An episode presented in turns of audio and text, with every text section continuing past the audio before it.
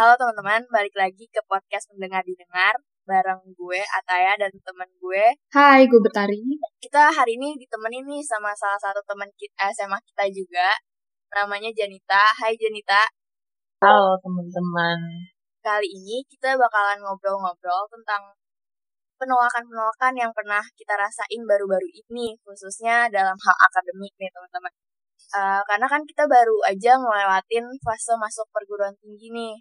Jadi awal-awal bolehlah uh, diceritain dulu. Mungkin kalau gue secara singkat, ya kemarin gue ditolak sama UGM dan pada akhirnya masuk UPN Jogja kan. Kalau Betari gimana, terus kalau Janita gimana nih? Boleh Janita dulu kali ya. Jadi waktu uh, kemarin gue daftar SNMPTN dan PPKB juga, tapi semuanya ditolak. Terus kemudian gue apa namanya pas SBMPTN juga kebetulan ditolak dan akhirnya gue keterimanya di Simak UI. Jadi Jenita ini emang bener-bener merasakan beberapa penolakan dan iya bener banget selama beberapa bulan tuh di rumah ya ya kurang lebih seru lah experience baru gitu kan penolakan. Kalau lu bet gimana?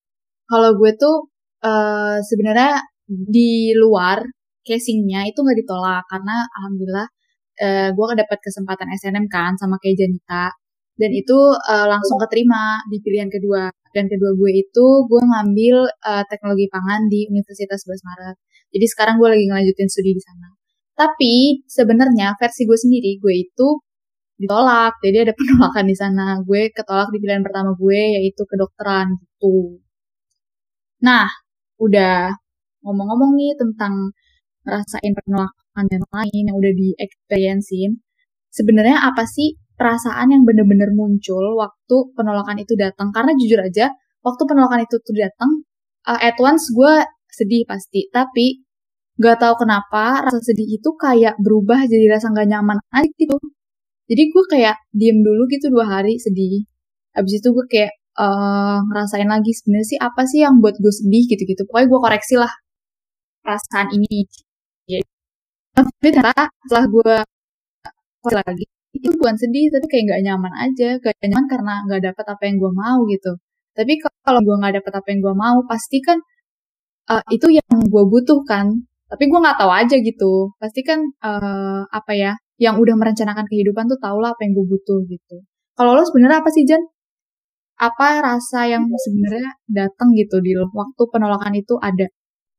Nah, jadi waktu itu saya pas SNMPTN kan kayak uh, itu awal-awal awal-awal April kan ya Mas kita pertama-tama di rumah. Itu tuh kan jadi kayak pas buka itu di kamar sendiri tuh ya Allah bener-bener deg-degan banget terus juga kayak gue merasa aduh kalau ketolak tuh bener-bener apa ya gue merasa semua usaha gue tuh sia-sia selama tiga tahun ke belakang gitu kan eh terus bener aja gue buka gue buka layar gue loh uh, gue apa namanya input uh, identitas terus keluar hasilnya ketolak. Nah itu gue bener-bener at that point tuh gue langsung kayak ya Allah gue ngapain aja selama tiga tahun ke belakang? Gitu. Awalnya gue sedih banget kan. Terus karena kita semua di rumah gue kayak awalnya tuh nggak berani gitu kan nggak kontak temen-temen kayak ya lo gimana? Gue gue bener-bener nggak berani nanyain gitu. Cuman ya gue rasa sedih itu tuh kayak ada sedikit ketutup sama rasa bangga sama teman-teman gue yang lain. Jadi kayak di grup tuh kayak selamat ya ini selamat ya ini tuh gue langsung jadi kayak apa ya pokoknya kayak ketutup gitu deh. Kayak gue juga langsung jadi senang gitu kan denger teman-teman yang lain pada keterima. Terus juga ada rasa-rasa kaget juga karena ada beberapa orang-orang yang gue kira bakal masuk ke pilihannya tuh malah justru nggak keterima gitu loh. Jadi kayak semua di hari itu tuh semua rasa campur aduk. Ada senang ada kaget ada sedih. Itu kayak bener-bener apa ya per, per, pertama kali banget gitu loh gue ngerasain emosi nah. yang emosional banget gitulah istilahnya. Terus waktu PPKB kalau pas PPKB sih gue agak ini ya sebenarnya agak gambling juga sih. Soalnya kalau PPKB dari jurusan yang gue mau tuh teknik industri itu sebelum sebelumnya kalau nggak salah belum ada yang pernah dapet kan. Jadi gue kayak ya udah pasrahin aja kalau dapet ya miracle gitu alhamdulillah cuma kalau nggak dapet juga masih ada kesempatan lain gitu jadi gue pas ppkb tuh nggak terlalu nggak sesedih pas SNMPTN Nah, berarti kan uh, kalau gitu setelah penolakan yang SNM terus PPK, PPKB, terus pas SBM dan Mandiri lu tuh expect lu bakal gagal lagi gak sih atau lu malah yang kayak ya udah santai aja gitu. Apakah rasa sakitnya masih sama gitu? Kan jeda apa pengumuman SNMPTN sama pengumuman UTBK kan jauh ya kayak kita ngelewatin masa-masa UTBK belajar-belajar tiap hari dulu gitu-gitu. Jadi kayak gue merasa tiga bulan itu tuh gue bener-bener usaha. Itu gue udah lebih pasrah sih kayak apa ya kayak ya udahlah apa pun jalannya gitu. Gue jadi jadinya juga pas daftar-daftar apa UTBK sama mandiri-mandiri gitu tuh gue juga lebih kayak ya udah deh yang mana aja yang terbaik buat gue gitu. Terus pas hari pengumuman UTBK tuh pas gue buka gue ketolak tuh sebenarnya gue nggak sesedih itu nggak sesedih pas SNMPTN kayak mungkin emang bukan jalannya gue di sini gitu kan masih ada mandi mandiri gitu. gue juga lebih lebih yakin sama nilai rapot gue daripada nilai UTBK gitu. Saya gue merasa UTBK tuh kayak sebenarnya UTBK nggak bisa dibilang gampang tapi nggak bisa dibilang susah juga kayak soalnya soalnya bener-bener bikin bingung gitu jadi gue nggak tahu nggak tahu hasilnya gitu kan tapi yang bikin gue paling sedih banget sih pas keluar hasil nilai UTBK sih. Gue lebih sedih itu daripada pas ditolak. Kayak gue ngelihat nilai gue jauh dari ekspektasi itu, wah gue langsung itu bener-bener ngedown banget. Tapi bukannya emang nilai UTBK tahun ini, maksudnya emang lebih rendah dari rata-rata tahun lalu gak sih, Jan? Tetep aja nilai gue tuh ter tergolong rendah karena kisaran gue tuh lima ratusan kan kalau uh, kasarnya kalau lu mau masuk top 3 kan kayak minimal 600 lah gitu ya apa pun. Nah gue yeah. waktu ngeliat gue keluarnya tuh 500 ya gimana gimana gue langsung kayak lah kayaknya try oh, tryout gue tuh nggak pernah segini nah itu benar-benar ya shocking. Expect-nya lebih dari itu ya Jan? Iya benar. Kalau lo tay apa sih? Uh, lu udah lu bakal nyangka nggak lu maksudnya sebelum lu apa namanya uh, daftar-daftar kayak gini apply dan lain-lain lu udah expect akan seperti ini nggak gitu bodohnya gue adalah gue nggak expect nggak tahu kenapa maksudnya ada ada menurut gue dulu gue ada kebutaan tersendiri gitu kayak uh, gue merasa tuh gue pede gitu. Dan nyatanya gak dapet gitu. Jadi yang gue rasain tuh lebih ke mestinya gue punya backup plan yang lebih banyak. Bukan karena gue nggak punya backup plan gue punya backup plan. Tapi harusnya lebih banyak dan gue harus ngeliat itu lebih luas dari sebelumnya gitu loh. Iya sih bener-bener. Jadi kayak bener-bener dapat pelajaran kalau rencana di dalam rencana harus ada rencana gitu kan harus itu uh, backup plan-nya benar harus lebih banyak gitu nah untuk berani ngambil keputusan waktu itu kan kita Jan uh, dapat SNM berarti punya waktu lebih dulu untuk uh, akhirnya bisa memilih jurusan kan. Nah, gue sadar banget pasti uh, milih jurusan, maksudnya uh, memutuskan sesuatu lah di masa remaja itu kan susah banget ya. Uh, Sebenarnya waktu lu milih jurusan itu ada ego siapa aja sih di dalamnya? Uh, waktu itu apa ya? Jadi gue kan gue sebenarnya pas kelas 10 kelas 11 tuh gue pengen banget arsitektur kan cuman gue kayaknya gue tuh nggak cocok gitu pas mau masuk kelas 12 nah kebetulan banget waktu itu pas sekolah kita lagi ngadain expo kampus gue kayak jadi kenal gitu kan sama teknik industri terus gue juga nanya-nanya kakak-kakaknya tentang teknik industri terus gue kayak oh gue nih gue banget gue mau masuk sini cuman karena waktu hasil apa namanya pemeringkatan sekolah itu gue posisinya di bawah anak yang mau ngambil teknik industri UI juga gitu. Oh ya, gue waktu itu masih kekeh mau UI, gue nggak mau di univ lain kalau teknik industrinya. Terus gue tuh di, di saat itu tuh gue bingung gitu kan. Gue ngotot apa ya, gue ngotot teknik industri UI atau gue main aman nih ke teknik industri univ lain meskipun gue nggak mau. Soalnya uh, kayak gue udah tahu kalau teknik industri di univ lain tuh belajarnya kurikulumnya tuh beda gitu loh fokusnya terus gue akhirnya waktu itu sebenarnya ada dua orang nih di atas gue yang mau ngambil teknik industri terus gue akhirnya waktu itu bertiga kita ngobrol kayak uh, jadi gimana guys? Gitu kan. Kocak banget sih kalau diinget nah si yang peringkat kedua ini peringkat apa namanya pokoknya dia peringkat kedua satu sekolah dia tetap kekeh mau masuk eh, mau ngambil teknik industri UI kan bagi diri gue sendiri ah, pada akhirnya gue kayak habis berdoa dan lain sebagainya gue memutuskan untuk ngikutin apa yang gue mau dulu nih kayak arsitektur nah gue ngambil jurusan arsitektur UI waktu itu pas SNMPTN karena uh, inget cita-cita gue waktu dulu apa namanya gue suka gambar terus gue suka ngeliat-ngeliat bangunan terus gue kayak ya udahlah coba dulu arsitektur. Cuman ya pada akhirnya gue ketolak dan di situ tuh gue sadar gitu loh kayak sebenarnya arsitektur tuh bukan jalan gue gitu sih. Jadi kayak pasti semua orang ada jalannya masing-masing lah. Nanti meskipun uh, waktu munculnya tuh berbeda-beda gitu. Nah setelah uh, udah ditolak beberapa kali nih Jan. Gimana sih cara lu ngadepin gagalnya itu? Kalau gue kemarin kan gue cuma SBM kan masih SBM sama uh, mandiri. Karena gue benar-benar mematok di UGM jadi sebenarnya yang paling sakit cuma di UGM walaupun gue ketolak UNY sama yang lain-lain UNS juga kan. Dan gue cara ngadepinnya tuh gue gue nulis bahwa gue harus nangis maksimal tiga hari doang. Dan itu gue beneran akuin nah kalau lu tuh gimana Betari juga Betari sebenarnya sedih tapi kan gimana tuh buat ngadepinnya? Iya dari Janita dulu dong berarti. Pokoknya uh, pas abis SNMPTN kan itu posisinya masih jauh dari UTBK kan. Itu tuh gue kayak ngambil seminggu.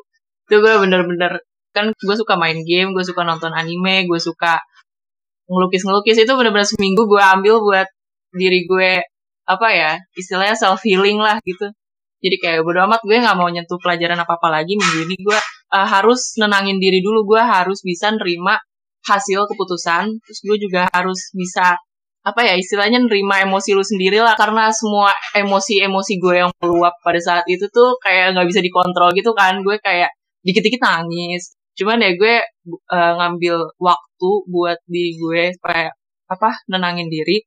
Terus juga karena gue orangnya suka nonton-nonton suka gambar-gambar menurut gue itu coping mechanism yang gue punya sih jadi menurut gue kalau menghadapi kegagalan tuh kita juga harus nyari apa sih coping mechanism yang cocok buat kita supaya kita bisa bangkit lagi gitu. Kalau lu bet? Kalau gue tuh waktu itu jadi kan uh, kalau di SNM ya itu kan ada rumor gue nggak tahu sih rumor apa beneran katanya pilihan kedua itu emang jarang dapetnya gitu kan makanya eh, kadang-kadang orang milih pilihan kedua ya udah yang yang apa gitu kan. Nah uh, tapi alhamdulillahnya gue nggak memikirkan itu sama sekali. Gue mikirnya kita dikasih dua pilihan ya udah pakai dua pilihan itu dengan bijaksana sebijaksana mungkin gitu. Maksudnya uh, dua-dua kedua pilihan itu kan at the end harus kita pertanggungjawabkan kan kenapa kita milih dan apa sebagaimana gitu kan. Nah uh, pada saat uh, sebenarnya nggak begitu penolakan sih karena gue juga keterima di pilihan kedua gitu kan dan gue juga bersyukur gitu di situ kayaknya ya seangkatan itu cuman gue yang keterima di pilihan kedua SNM-nya jadi yang lain tuh kalau nggak keterima di pilihan pertama langsung ketolak gitu kan. Dan gue masih beruntung gitu dapet pilihan kedua. Sebenarnya sih awalnya uh, gue juga buka pengumuman itu kan sendiri. Maksudnya ada nyokap gue di sebelah gue tapi uh, yang buka duluan itu gue sendiri gitu. Baru gue ngabarin nyokap gue yang ada di sebelah gue gitu. Terus kayak uh, ada rasa kecewa at, at namanya. Tapi abis itu kayak gue ngelihat sekeliling gue support gue, gue ngelihat mereka punya banyak banget harapan di gue gitu jadi uh, itu kayak apa ya obat sendiri gitu loh untuk gue dan abis itu kan gue mikir gitu ya kayak sebenarnya tuh mimpi itu bukan bukan tentang kita jadi apa gitu tapi tentang kita mau ngapain gitu di di yang akan datang. Misalnya lo mimpi jadi guru bukan itu aja gitu. Lo akan melakukan apa sebagai guru uh, ketika ngelihat ada orang ada murid ada murid kamu yang di depan baris gitu lagi nggak merhatiin gitu kan at the end tuh bukan bukan tentang kita akan jadi apa tapi kita akan melakukan apa gitu.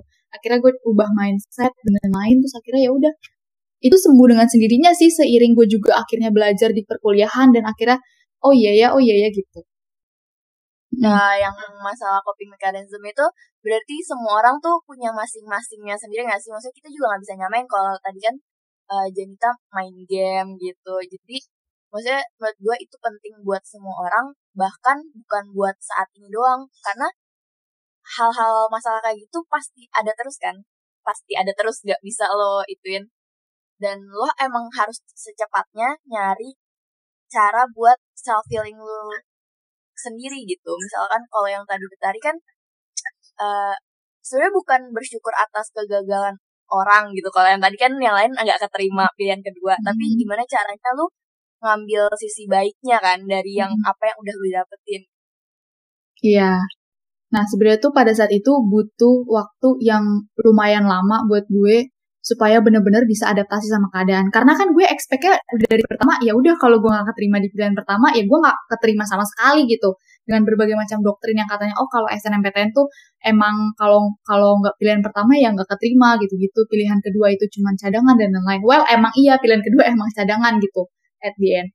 Cuman di situ gue jadi ngerasa lebih belajar kalau uh, ternyata tuntutan mempelajari hal baru itu bisa sebegitunya sebegitu cepatnya gitu datang. Jadi nggak nggak tiba-tiba gitu. Nah, kapan sih terakhir kali lo Jan uh, mempelajari sesuatu tuh karena penasaran? Uh, waktu itu apa namanya pas abis kegagalan, kegagalan semua kegagalan gue kan ya gimana ya gue istilahnya terpaksa kan buat move on lah jadi kayak bener-bener waktu abis ditolak SNMPTN seminggu kemudian ya gue balik lagi belajar ikut les ikut tryout gitu-gitu ya gue mau nggak mau tuh harus mengubur apa ya kayak hmm. mengubur experience kegagalan itu tuh di belakang supaya dijadiin motivasi aja kan nah di situ gue juga kayak karena karena biasanya gue dua empat per tujuh nangkring di tempat les yeah. terus juga mulai les-lesan secara online kan pandemi gini hmm. ya mau gak mau kita harus nyari cara yang paling apa ya efektif lah buat belajar sendiri gitu. Kayak itu tuh itu nggak mudah banget karena gue orangnya gampang banget terdistraksi gitu ada HP dikit gue main gitu kan. Biasanya kalau di tempat les tuh gue suka dimain guru gitu kayak kamu kok nggak belajar? gitu kan. Nah kalau untuk belajar sendiri tuh banyak banget bener-bener banyak godaan gitu gitu makanya gue juga waktu itu adaptasi ke belajar sendirinya itu juga merupakan hal yang gue harus pelajarin secara cepet gitu loh supaya gue bisa move on dan iya. belajar juga. Iya. Dan untuk kita kita yang SNM kan berarti harus punya mental uh, gimana ya? Bukannya pesimis atau gimana, cuman harus punya harus siap punya mental kalau uh, ngubur mimpi duluan gitu dalam tanda petik ya kayak ngubur mimpi duluan gitu kayak gimana ya kayak meninggalkan mimpi duluan kalau kalau kalau uh, sesuatu yang jelek terjadi gitu kan harus punya mental kayak gitu memang. Setelah yang gagal-gagal kemarin kan berarti kita belajar suatu hal baru lah maksudnya hal-hal kayak gitu tuh nggak mungkin kita dapetin kalau lu nggak gagal. Ya nggak sih? Menurut gue ada beberapa hal yang ya lu harus gagal dulu baru lu belajar gitu. Nah udah gagal nih kita. Dan gue menurut gue gue yakin nggak yakin sih maksudnya maksud gue gagal akan gue yakin. Maksudnya uh, pasti adalah uh, mungkin gitu kemungkinan gue gagal lagi suatu saat nanti.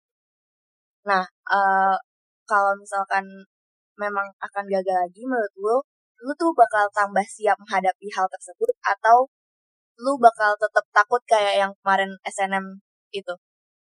Secara udah berpengalaman maksudnya kayak udah berkali-kali ditolak berkali-kali gagal menurut gue gue kayak ya udah lebih siap aja gitu. Karena yang gue pelajarin kok dari kegag semua kegagalan gue kemarin tuh ternyata yang nyalain diri gue tuh di, eh yang nyalain diri sendiri tuh ya diri gue doang gitu loh. Orang lain tuh nggak ada yang nyalain gue kayak lo sih gagal SNMPTN tuh nggak ada. Jadi apa ya menurut gue yang bis hal yang bisa kita kendaliin tuh pikiran dan tindakan kita sendiri kan. Kayak kalau udah hasilnya nggak sesuai ekspektasi ya itu di luar kendali kita gitu loh. Jadi gue uh, udah belajar gimana caranya berdamai sama kegagalan. Sebenarnya itu nggak gampang. Pasti nanti kalau misalnya gue menghadapi suatu kegagalan lagi, pas lah gue uh, ngedown lagi. Cuman kayak karena gue udah belajar dari kegagalan gue sebelumnya, gue yakin nanti seterusnya gue mampu melewati kegagalan itu lagi. Ya menurut gue gue lebih siap lah. Tiba-tiba gue jadi kepikiran kalau uh, maksudnya mungkin ada nih yang sebelum sebelum pengumuman ada yang kayak lu pasti masuk kok lu ini kok gini-gini ngerti lah Iya, tapi pada iya. akhirnya yang jalanin tuh kita juga nggak sih? Benar dan, banget. dan ya udah eh ya benar kata lu juga sebenarnya yang paling paling harus di ditonjolin adalah mindset kita dulu karena ya pada akhirnya mereka juga nggak begitu peduli sama hidup lo karena ya lo juga yang bakal jalanin gitu Iya bener banget sih. Kayak nggak peduli gitu ya, kayak kayak at the end yang bener-bener peduli sama diri lo sendiri ya, ya cuma diri lo sendiri.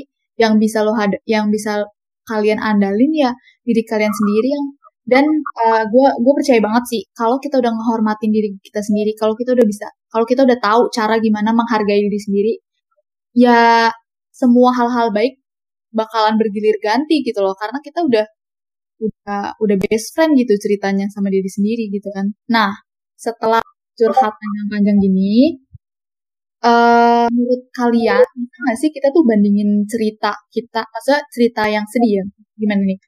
Bisa nggak sih kita bandingin kesedihan deh? Bisa nggak sih kita bandingin kesedihan kita dengan orang lain? mungkin gue dulu kali ya Em, eh, kalau yang masalah banding bandingin kan tadi sorry tadi keputus yang masalah banding bandingin kan udah kita udah cerita sepanjang ini nih dan maksudnya lu nggak bisa nggak bisa bandingin sedihnya Janita sama sedihnya gue gitu. Walaupun pada akhirnya Janita tetap masuk UI gue enggak walaupun eh, misalkan ada orang yang pada akhirnya masuk UGM yang sesuai ilmu komunikasi yang gue mau tapi menurut gue dan ini sebenarnya kejadian nyata sih gue tahu seseorang yang masuk yang gue mau tapi dia bercerita tentang kesedihannya dia ke gue gitu. Jadi dari situ gue bisa bisa nyimpulin bahwa yang gue pengen terus orang dapet tuh belum tentu dia sebahagia itu gitu. Karena udah punya jalannya masing-masing dan gak bisa dibandingin kalau misalkan gue dapet gue akan sebahagia itu juga atau enggak. Kalau Janita gimana? Kalau ngebandingin sih sebenarnya enggak ya, karena masing-masing orang kan punya jalan yang beda-beda. Misalnya gue jalannya tuh berlika-liku, cuman gue pada akhirnya nyampe di universitas yang gue mau dan pilihan pertama gue. Ada juga orang yang eh, jalannya lurus, cuman dia pada akhirnya bukan di pilihan dia. Jadi menurut gue tuh emang orang-orang tuh nggak bisa dibandingin gitu cerita-ceritanya karena ya semua orang tuh punya jalan masing-masing. Terus juga waktunya waktunya kapan dia sukses, kapan dia naik, kapan dia turun tuh juga pasti berbeda-beda. Ada yang gagalnya sekarang tapi suksesnya nanti, tapi ada juga yang suksesnya sekarang nanti gagalnya nanti gitu. Iya bener. Eh makin gue membandingkan cerita kesedihan gue dengan orang lain, bukan kesedihan aja deh kesenangan gitu ya. Kayak kok dia seneng banget sih, gue senengnya cuma segini gitu. Semakin gue tuh kasihan sama diri gue sendiri. Padahal kan mengasihani diri sendiri tuh kayak gak adil kan untuk kita sendiri. Masa iya lo ngasihin diri lo sendiri tuh kan gak lucu gitu, gak adil. Artinya lo gak menghormati gitu kan. Balik lagi ke sana, gak menghormati diri sendiri gitu. setelah kegagalan-kegagalan semua ini yang ih gue ngomong itu mulu dari tadi kegagalan ya emang ngomong kegagalan sih cuman eh, apa langkah yang bakal lu lakuin buat meminimalisir meminimalisir ya kira-kira bakal ada gagal lagi kalau gue yang jelas gue udah nyiapin banyak plan daripada sebelumnya eh, daripada SBM yang kemarin. Gue punya plan banyak banget. Terus gue juga lebih nggak mikirin kata orang sih mulai dari sekarang. Kalau lu Jan sama Betari? Bener sih kata Taya, kalau untuk antisipasi ya, itu kita harus punya banyak plan. Ya sebenarnya nggak yang kayak harus plannya bisa macem-macem. Cukup yang menurut lo tuh bisa mengakomodasi kalau misalnya nanti lu gagal, terus lu bisa move on ke plan berikutnya gitu.